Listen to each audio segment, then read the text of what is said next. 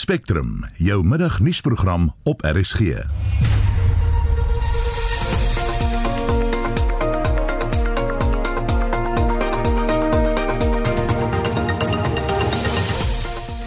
die program môre se eerste spertyd vir belastingopgawes.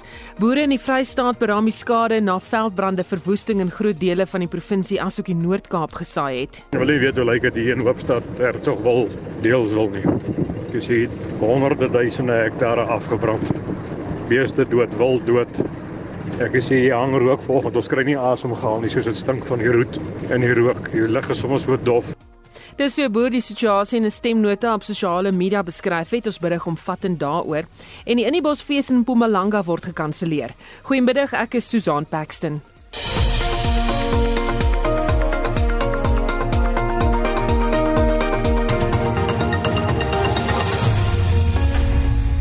Presies 10 minute oor 1 jy luister na Spectrum. Sedert die begin van die week hoor die kommissie van ondersoek na staatskaping getuienis oor sake wat met Transnet verband hou. Die uitvoerende bestuurder in die departement van finansies van Transnet se spoorweggoedere, Josef Laher, het vanoggend begin getuig. En ons praat nou met ons verslaggewer Naledi Nkobo. Uh, good afternoon Naledi. Good afternoon Susan. Could you summarize the crux of his testimony? Well, Yusuf Lahad today, uh, who's of course the finance manager, executive finance manager at Transnet, is speaking specifically about the locomotive tender, uh, which was awarded by Transnet to China South Rail back in 2012. Uh, and he, basically, you know, he's responding to a, a, testimony which was given by the then uh, Transnet electric engineer, uh, the former electric engineer uh, person, which was his name is Francis Khaled. Khaled had actually uh, implicated Leha in his testimony, saying that Leha had actually unjustifiably, you know, know, uh, advocated for an increase of the locomotive tender by a billion rand. And so today, uh, Lahar is saying, well, that testimony, uh, you know, inc- incorrectly implicates him. He says he was merely taking instructions from then uh, Transnet uh, Chief Financial Officer Anand Singh. He says Singh was responsible uh, for the memorandum which was sent to the Transnet board at that time, asking for this unjustifiable 1 billion rand. He says, you know, at the time Singh was his senior, and had he said no to him, it would have amounted to insubordination. And so it wasn't necessarily his choice that, uh, you know, there was an escalation in this tender, which cost uh, uh, Transnet a billion rand extra uh, of taxpayers' money, which was unjustifiable. He says this was not his fault. He was merely listening to the instructions of his then superior, Anand Singh. What other testimony is the Commission expected to hear today? Well, today we only, uh, you know, the, the, Commission only told us about uh, the testimony of Yusuf Laha, uh, but yet we don't know. Of course, we know that things tend to change in the middle of the day, and so if there is that change, we will only get to know about it at a later stage. But today we are only expecting to uh, hear the testimony of Laha. Baie dankie, dit was ons verslaggewer by die Staatskaping Kommissie, Naledi Nkobo. Die tyd is besig om uit te loop vir belastingbetalers om hulle belastingopgawes in te dien en ons praat nou daar met die Suid-Afrikaanse Inkomste Diens se hoof van belanghebbendes, Makingon. Goeiemôre, Mak. Lyk vir my ons het hom nog nie op die lyn nie. Ons gaan kyk of ons hom uh, in die hande kan kry en uh, terwyl ons wag daarvoor net uh, om jou in te lig dat ons gaan 'n uh, breedvoerig berig oor die brande wat daar in die Vrystaat gebeur het, dis by Hertsgwil en Boshoff. Ons gaan praat met verskillende organisasies, die bestuurder van die Vrystaatse Vereniging van Brandbeskerming gaan met ons gesels. Esie de Klerk het vir ons daardie verslae saamgestel. Ons gaan ook praat met 'n boer wat groot skade gelei het. Ehm um, dis die aftrede ortoped Dr. Gerard Nel. Hy is in die Hoopstad omgewing omgewing, hy boer daar en uh, ons gaan met hom 'n bietjie later gesels as ook met die woordvoerder, die Vrystaatse woordvoerder van die uh, Working on Fire groep. So uh, bly ingeskakel daarvoor. Lyk vir my ons nou vir Making on op die lyn. Goeiemôre maak. Uh goeiemiddag uh, Susan, uh, goed om saam met die in die luisteraars uh, te wees vanmiddag. Die eerste dringende spertyd vir belastingbetalers is môre op wie is dit van toepassing? Wel dit is die mense wat uh, afspraak maak met by een van ons takke uh om hulle om hulp te kry van een van ons agente by die by die tak. So dit is dit is môre. Maar mense moet onthou dat as hulle op e-filing wat ook op die Mobi app kan wees, hulle het ook uh, nog steeds tot 16 November om om uh, alle werk te doen op hulle uh, belastingvorms. Hm, ek wonder of jy vra wanneer is die sperdatum vir e-filing byvoorbeeld? So dis 16 November, maar uh, baie belangrik. Ons het voorlopige belastingpligtiges ook. En as jy 'n voorlopige belastingpligtige is, dan is die datum 29 Januarie 21. So volgende jaar uh die begin Januarie, die die laaste besigheidsdag van Januarie. Hoe lyk die opgawe invordering sover? Nee, ons is ons is baie tevrede met die die die die die vordering. Kyk ons hierdie jaar het ons hierdie ouke aanslag ehm um, ingebring waar 'n persoon kan uh basies die syfers aanvaar wat ingedien is. En en ons vind dat baie mense wel dit aanvaar so en en hulle hulle hulle jy weet dit help hulle om dit te doen. Baie mense wil graag nog steeds hulle opgawe heeltemal check en dis onvaarbaar. Wat persoon kan dit doen. Ehm um, daar's baie lesse wat ons geleer het hierdie jaar en ons hoop dat volgende jaar hierdie sal nog beter wees. Baie dankie. Dit was die Suid-Afrikaanse Inkomste Diens se hoof van belanghebbendes, Making On. Terwyl veldbrande in meeste dele van Hertsgwil en Boshoff in die Vrystaat teen vanoggend onder beheer gebring is, lyk dit of nuwe brande in die Bethlehem omgewing ontstaan het. Die bestuurder van die Vrystaatse Vereniging vir Brandbeskerming, Johan Breitenberg, sê hulle werk onverpoos om te verhoed dat die brande verder versprei. Iets te klerk doen verslag. Olien, julle moet vir ons bid asseblief. Julle moet vir ons bid. Ek sien ons emosies is nou moer toe. Boshoff, Boshoff is ook in die moeilikheid. Ons jaag nou Boshoff toe. Uh, my vier het gedraai. Het nou laat weet ons moet bos of toe kom ons het moeilikheid daarso. Bid asseblief vir ons ek. Hierdie was 'n persoonlike boodskap wat die 47-jarige Janus Barnard maandag aand aan goeie vriende in Bloemfontein, Hannes en Eileen Pieterse gestuur het. 'n Boer in Murg en Been noem hy homself. Hy en sy twee broers, Abraham en Kobus, boer saam met hulle pa op die grond tussen Hoopstad en Hertsgwil in die Vrystaat wat hulle oupa in 1933 gekoop het. Janus en sy familie het vir die ergste gevrees toe hy die boodskap gestuur het. Hulle ander plaas met wild lê tussen Boshoff en Kimberley. Die eerste ding wat deur jou kop gaan is is daai diere van jou. Jy weet daar loop en nou raak ek weer emosioneel. Jy weet 'n ou, jy sit met met al daai daai wild. Dis is goed wat jy voorsorg en in in sien groot word vir jou en jy teel hulle en jy dis regtig 'n passie wat 'n ou het. En in in dit dis die eerste ding wat deur jou kop gaan. Jy weet beeste kan jy gou oopmaak en jy kan hulle skuif en jy kan hulle na 'n ander plaas toe skuif, maar met wild kan ons dit nie doen nie. Jy weet en dis die eerste ding wat deur my kop en emosies gegaan het is wat gaan van al daai diere word?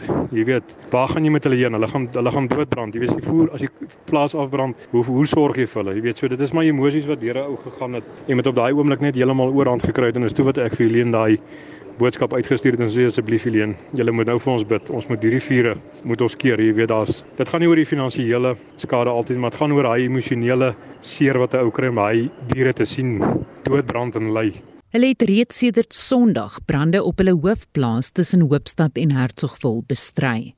Janus het dit maandagooggend so in 'n boodskap beskryf. Wat met lyn julle? Wil jy weet hoe lyk dit hier in Hoopstad? Hertsgvul deels wil nie. Jy sien honderde duisende hektare afgebrand. Beeste dood, wil dood. Ek sê hier hang rook volgens ons kry nie asem gehaal nie soos dit stink van die roet en die rook. Die lug is soms so dof. Jackie spook nog daar by hom met brand. Ons is Abraham hulle is nog op besig om die A4 te keer.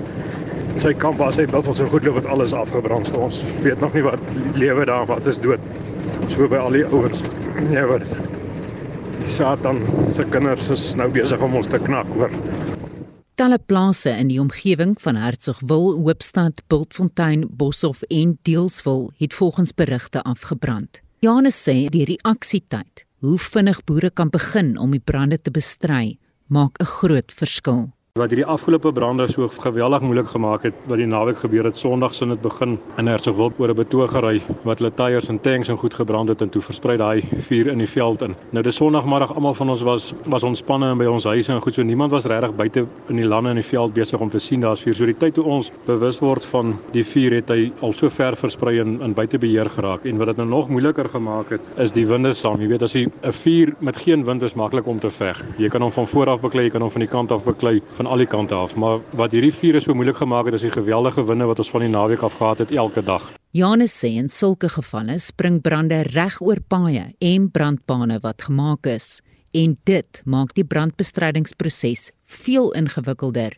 en gevaarliker. So in sulke gevalle die beste is maar om dan vuur met vuur te veg. Jy weet ons moet maar vooruit gaan. Jy maak maar voorbrande ver vooruit waar jy jy kyk 'n rigting waar in die vuur beweeg. Jy gemaak 'n en voor hom gemaak steek jy vuur aan, dan moet jy backup hê om daar waar jy aan te steek dadelik dood te spyt dat hy nie agter jou inbrand nie, laat hy terugbrand na die vuur toe. En uh, wat Boshoff baie moeilik gemaak het, is dis ryg daar, dis bosse, dis valbos, dis jy kan nie met voertuie en bakkies en goed inkom nie, is kliprandjies, so jy moet vir hom sit en wag dat hy uitkom en dan terugbrand. Die parlement se portefeulje komitee oor landbou het vroeër 'n beroep op die minister van landbou, Toko Didiza gedoen om gebiede in die twee provinsies wat deur die brande geraak is as rampgebiede te verklaar.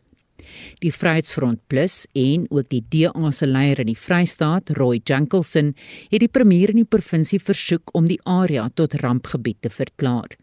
Daar word geraam dat sowat 100 000 hektaar tussen Deelswil, Boshoff, Hertsgwil, Hoopstad en Bultfontein afgebrand het.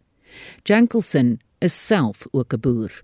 Dit is baie moeilik vir iemand wat nie op 'n plaas bly om die angs en vrees te besef wat 'n mens voel as die wind waai en jy ruik die rook in die wind en dan spandeer ons mense op plase en wat boere en plaaswerkers is baie van hulle tyd en energie soms ure en in gevalle soos hier in die Wes-Vrystaat dae lank wat hulle vure moet beveg in die brandseisoen.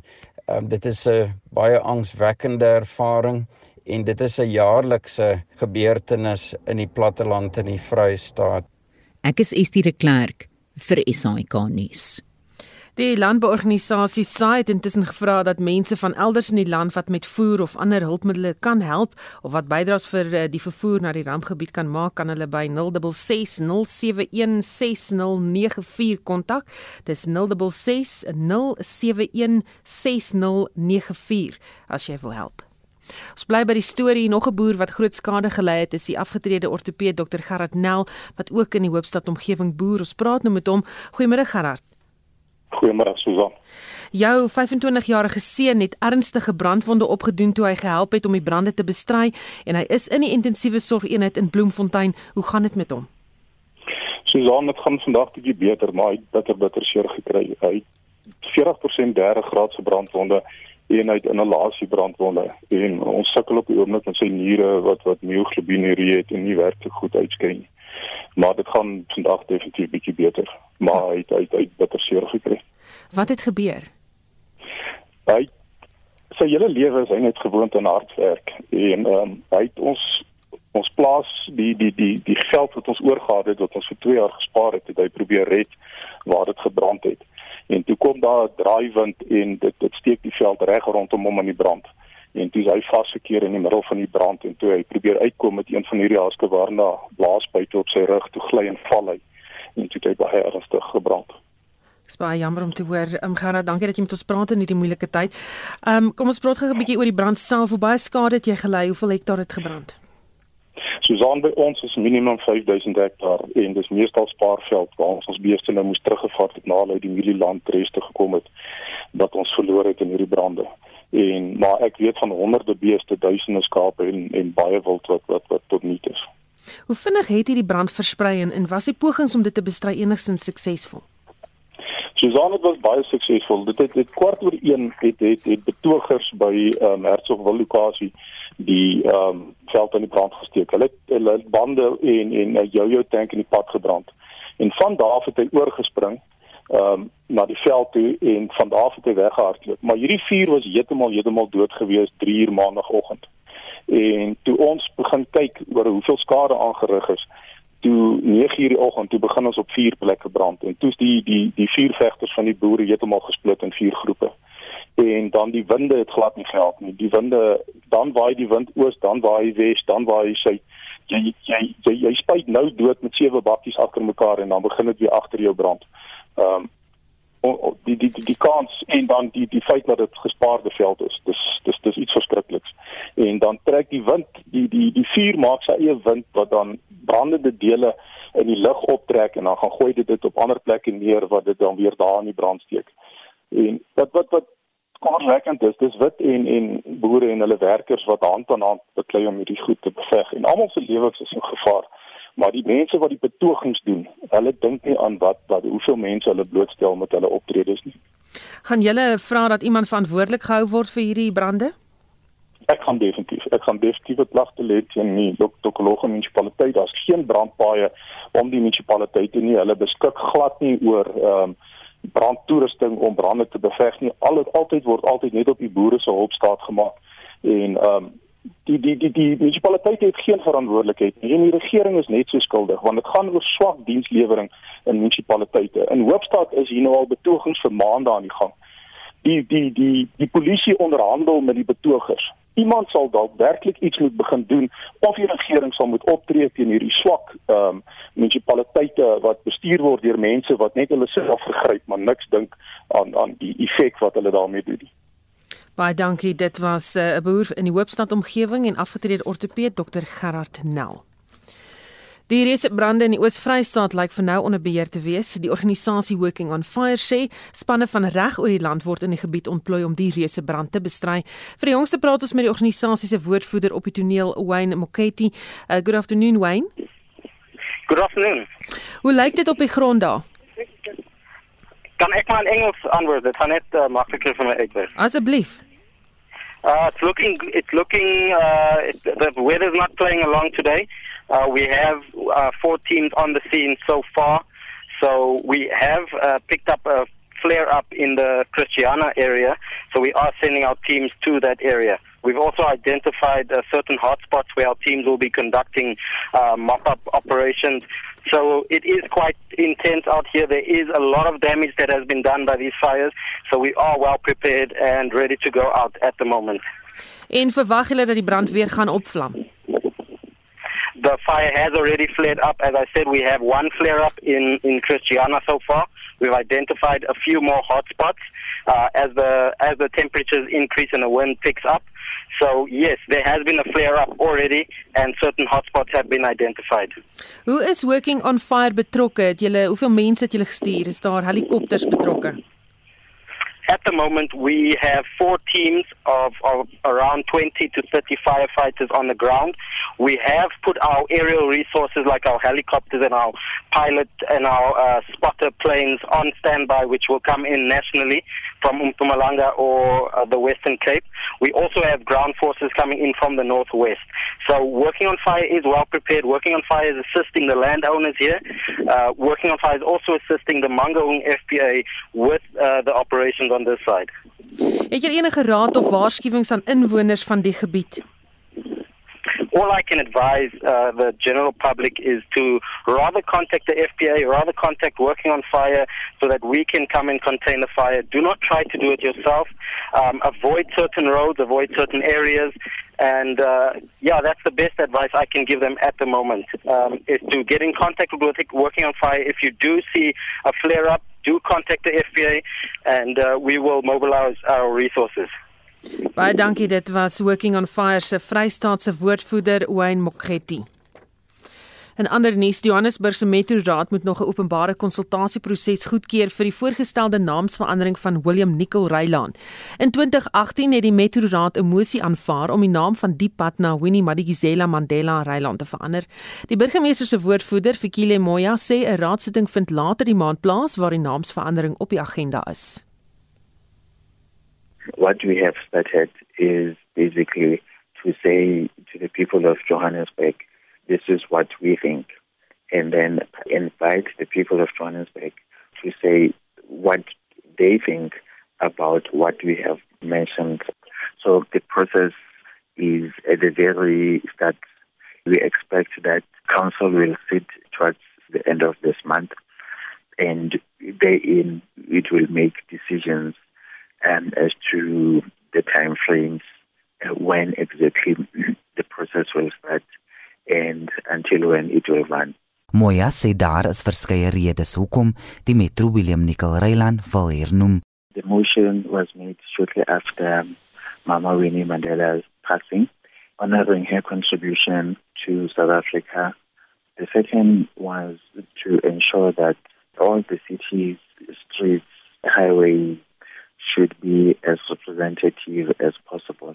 The vast majority of, of streets and roads in our city are named after males and tend to be named after white males in particular. Hy sê die Madikizela Mandela familie is ingelig oor die metro se voorneme. They have been asked about the idea and they have welcomed it. Moya sê die openbare konsultasie en naamsveranderingsproses sal nie oorhaastig gedoen word nie. Of course, having said that, it should be uh, as soon as possible. That doesn't mean that the process should be short-circuited.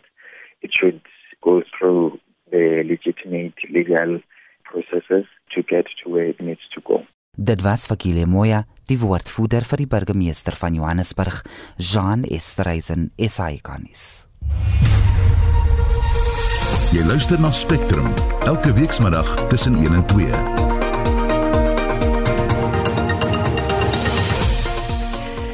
Nog in die uur Eskom het aangekondig dat hy beplan om sy stelsel met sowat 30 gigawatt opwekkingskapasiteit te vergroot. Die projek sal 10 jaar duur en sowat 118 miljard rand kos.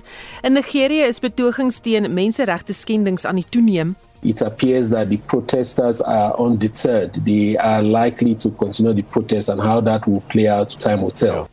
En warm winderige weerstoestande in die binneland beteken dat die gevaar van weggolfveldbrande steeds voortduur, bly ingeskakel. Die Verenigde Nasies sê hou gebeure in Nigerië met 'n vankoogdop nadat die weermag na bewering op 'n groep betogers geskiet het.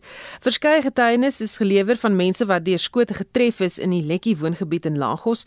Die staat se goewerneur, Babajide Sanwo-Olu, sê slegs een sterfte is aangemeld, maar ooggetuies sê tientalle mense is dood.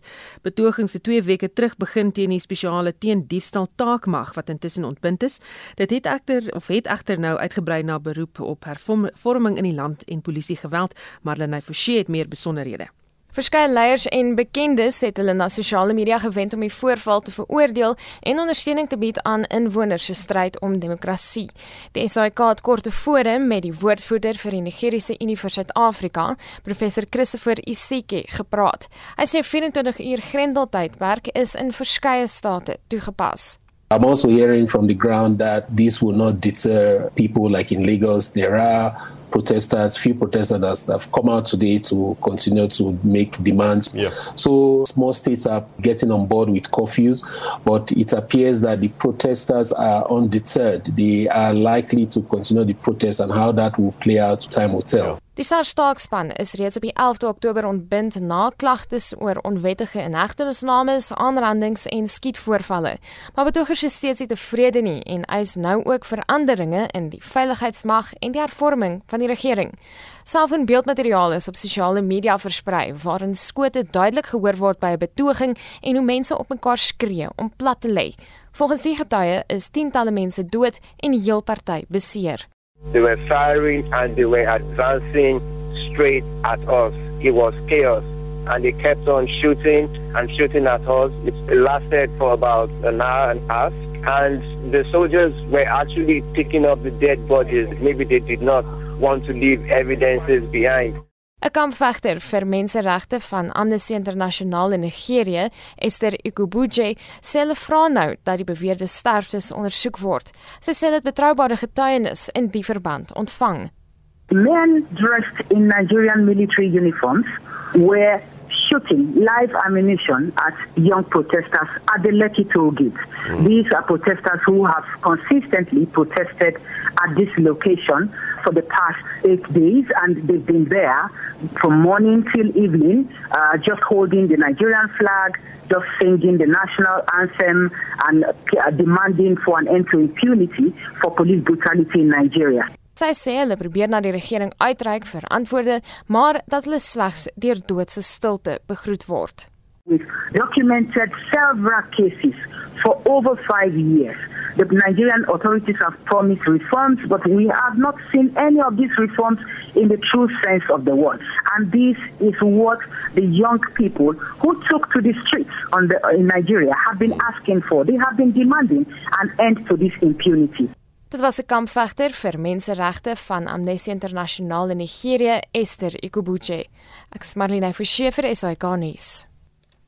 Eskom het aangekondig dat hy beplan om sy stelsel met sowat 30 gigawatt opwekkingskapasiteit te vergroot.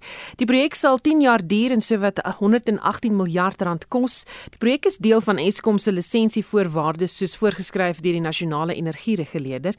En ons praat nou met 'n senior lektor in chemiese en mineraalingenieurswese aan die Noordwes Universiteit, Corneel Skambort. Goeiemôre Corneels.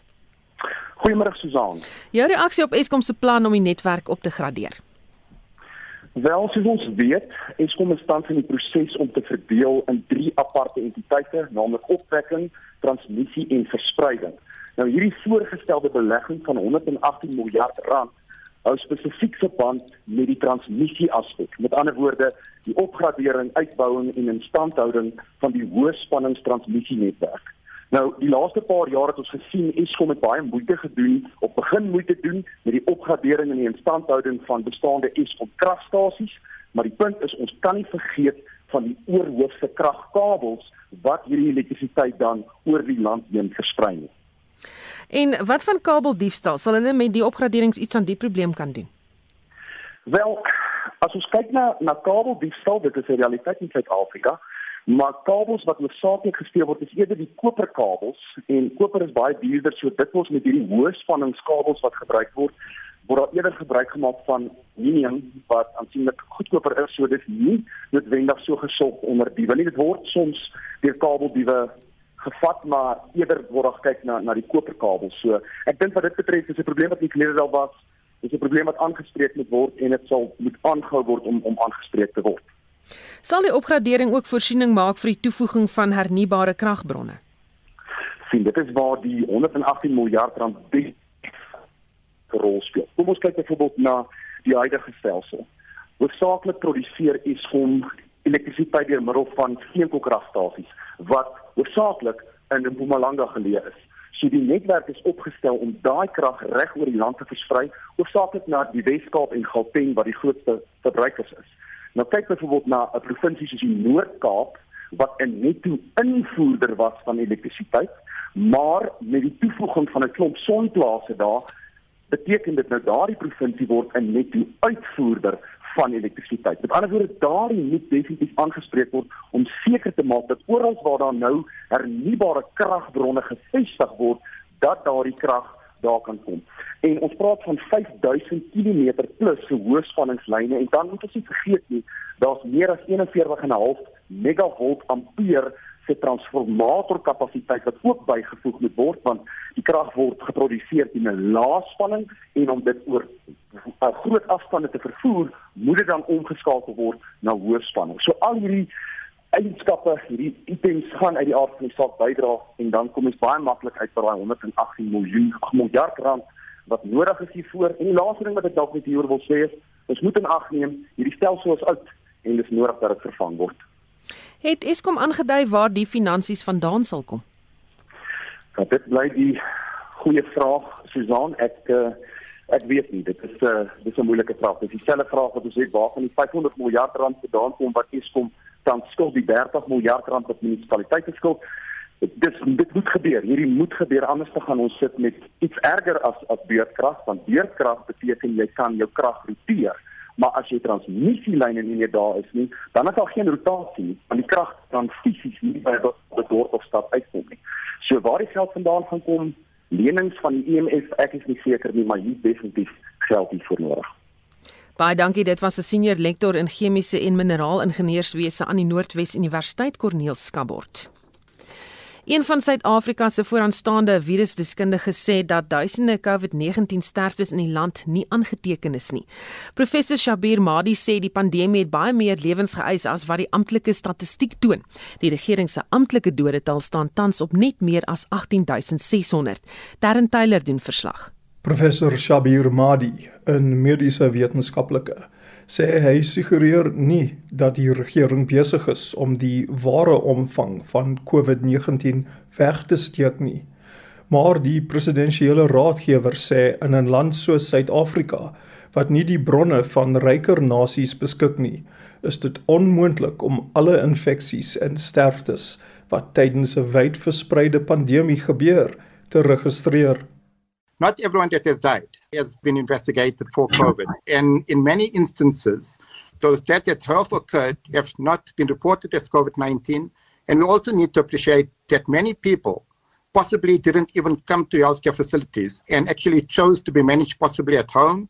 And those deaths might have actually occurred outside of healthcare facilities. Maar die het sterfte syfers in al 9 provinsies sedert die pandemie uitgebreek het in Maart gemeet.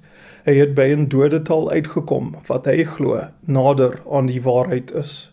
Right now where we're sitting possibly is that there's been roughly about 30,000 people that have died from COVID-19 in South Africa and that is just using Die Mediese Navorsingsraad het alle doodsertifikate wat tydens die pandemie se piek tussen Mei en die 1 September ingedien is, getel en ontleed.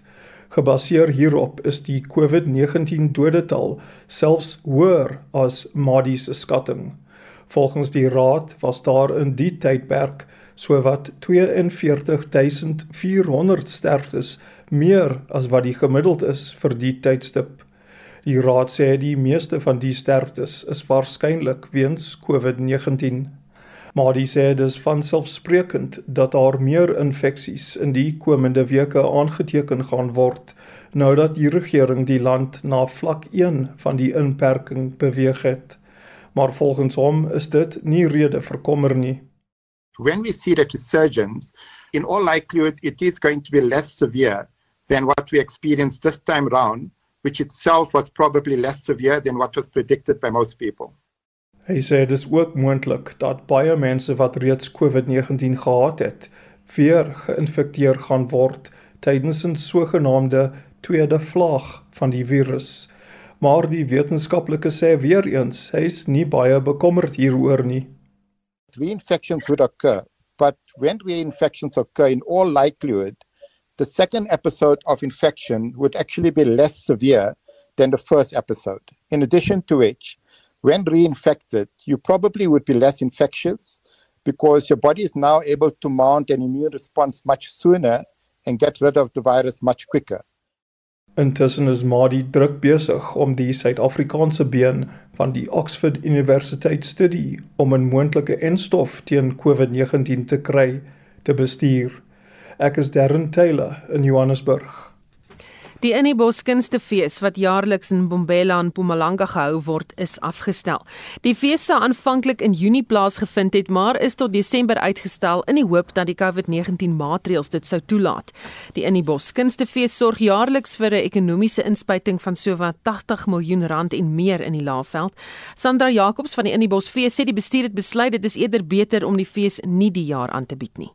Die Innibos span was volledig gereed om in Desember 'n fees te kon aanbied, maar van die begin af het ons uh, gesê dat ons moet dophou wat gebeur ten opsigte van die COVID-19 van die in die inperkings en watter rigting die uh, pandemie uit die aard van die saak in Suid-Afrika gaan. Ongelukkig het dit nou na die nuutste verlenging van die virus en uh, die inperkings wat steeds in plek is, vir ons duidelik geword dat die fees se risiko sou wees um, vir die publiek en dat die verantwoordelikheid sou wees om op hierdie stadium die uh, wel om hierdie om die fees te kanselleer vir 2020.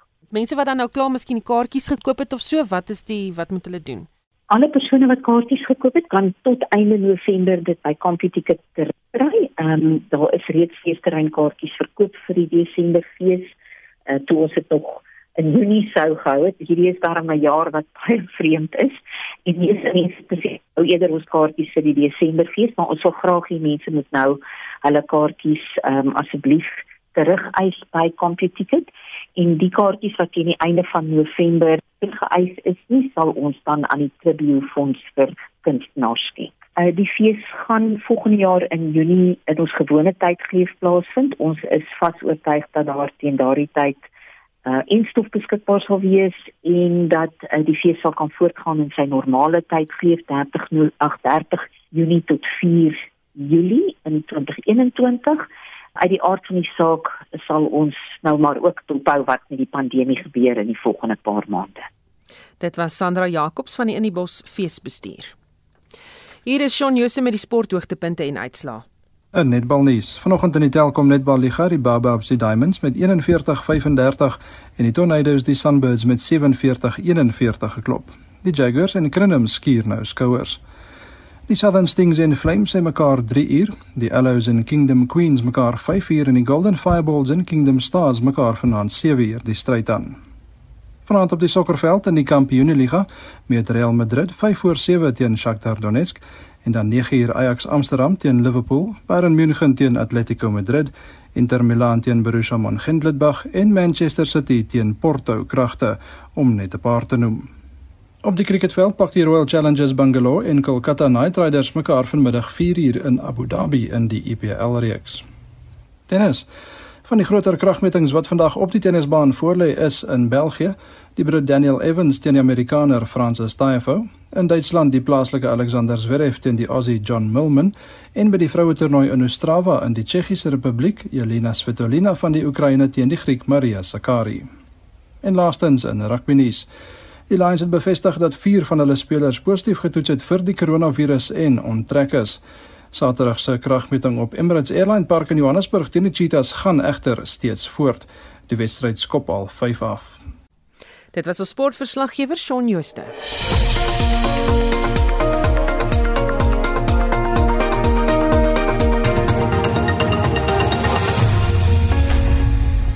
Bykans 1348 jy luister na Spectrum. Die Noord-Gautengse Hooggeregshof het beslis dat die minister van maatskaplike ontwikkeling, Lindiwe Sisulu, asook verskeie ALR in die departement versuim het om hulle plig uit te voer deur subsidies aan skole in die grondslagfase tydens die inperkingstyd te weerhou. Die relevante instellings moet nou hulle volle subsidies ontvang en die staat is verantwoordelik vir die regskoste. Marlene Forsie het meer besonderhede. Is 'n childcare se hoof, Arnou van der Merwe, sê die regter het nie doekies omgedraai oor die hof se teleurstelling in die regering nie.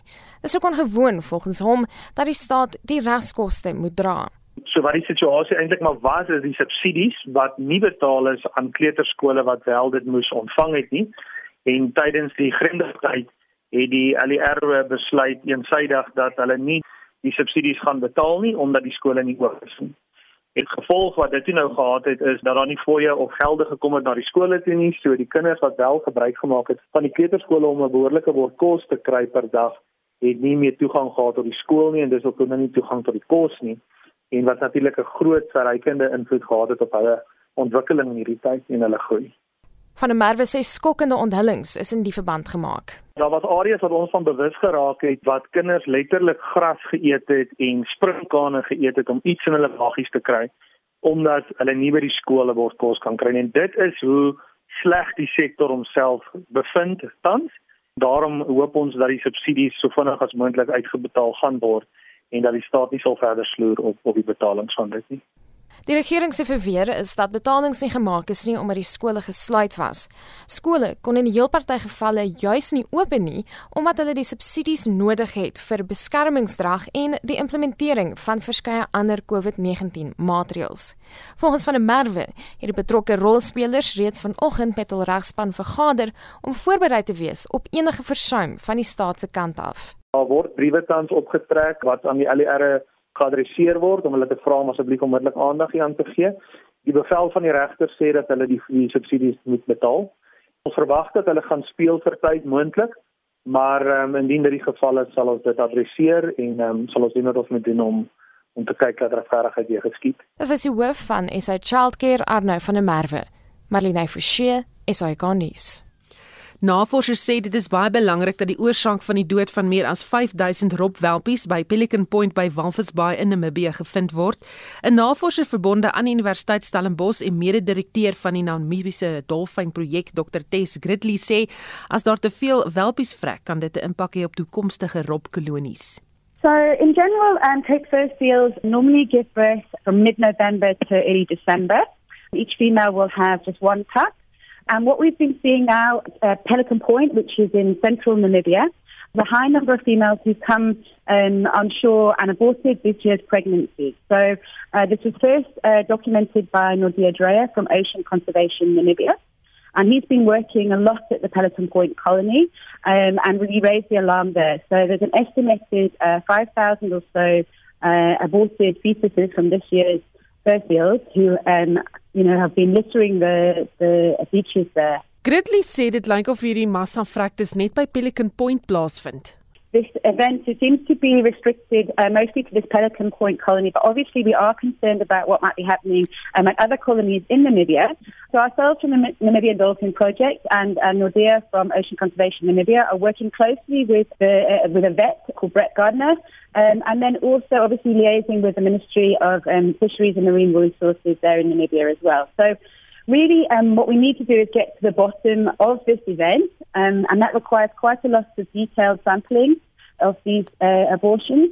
Um, and then also, if there's any uh, females who've come ashore um, who may have died as well, and really detail, uh, detailed sampling of those individuals. Gridley sê die publiek kan help deur die vorm van die Ocean Conservation Namibia Facebook bladsy te gaan aflaai en enige besonderhede oor dooie robbe wat hulle langs die kus vind aan te teken. Well, currently, obviously, it's very difficult to move in and out of Namibia, um, but those people who are based in Namibia, um, we have a lot of people who um, drive on the beaches there if they are going um, fishing and things like that, particularly um, over the weekend.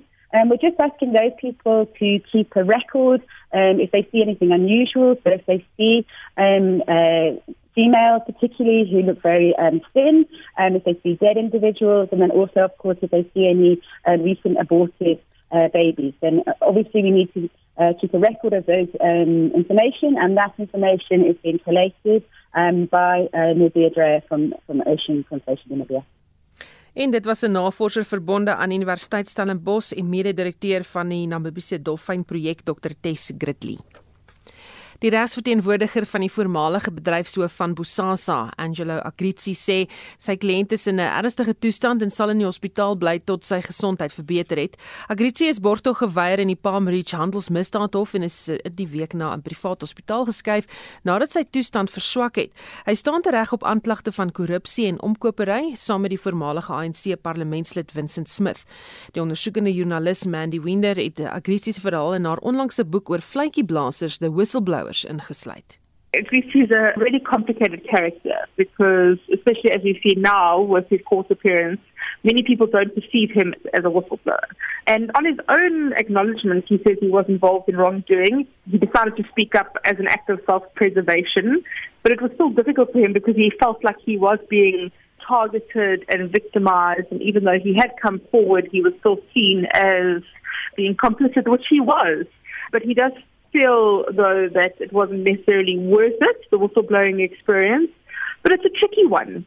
Mandy Wiener sê die vervolgingsgesag beskou Agritzi se rol as vletjieblaser met 'n tikkie skeptisisme. Because as we've seen from his bail application, there were numerous lies, and the prosecution obviously feels that he is no longer a, a whistleblower. As his lawyer was saying, you know, you're shooting the messenger. But, I mean, that's a, an entirely different matter here. But for him, he still feels that it was a difficult whistleblowing experience for him, and I'm not sure he would do it again, but I don't think he had much choice either. Wiener skryf dat Agritzi baie teleurgesteld was omdat niemand werklik vervolg is na sy getuienis voor die Zondo-kommissie nie.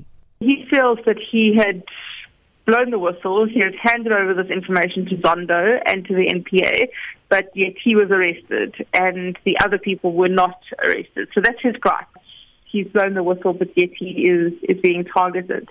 They haven't arrested others. But then a lot of people in the public would say, well, you were involved, so you're going to be arrested. So it is a difficult one. Mandy Weiner beklemtoon dat toekomstige vletjieblassers nie ontmoedig moet voel nie. Sy sê die mense is nodig omdat diegene in magsposisies verantwoordbaar gehou moet word. Sy moedig mense aan om dit behoorlik te doen. Like keep a diary, make sure that you keep notes of everything, make sure you get as many documents or evidence as you can. But then there's other things like get a good lawyer, get good legal advice. There are various organizations you can go to, like Corruption Watch or OUTA or Plus. Make sure that you get your family on board and your support structures in place. So I think it's important that people get the right advice and that if they are considering doing it, they understand the implications, but also just how valuable it is for people to come forward. Mandy Wiener het onlangs die boek The Whistleblowers geskryf. Mitsi van der Merwe, SAK nuus. daarmee groet die Spectrum span. My naam is Susan Paxton. Geniet jou middag.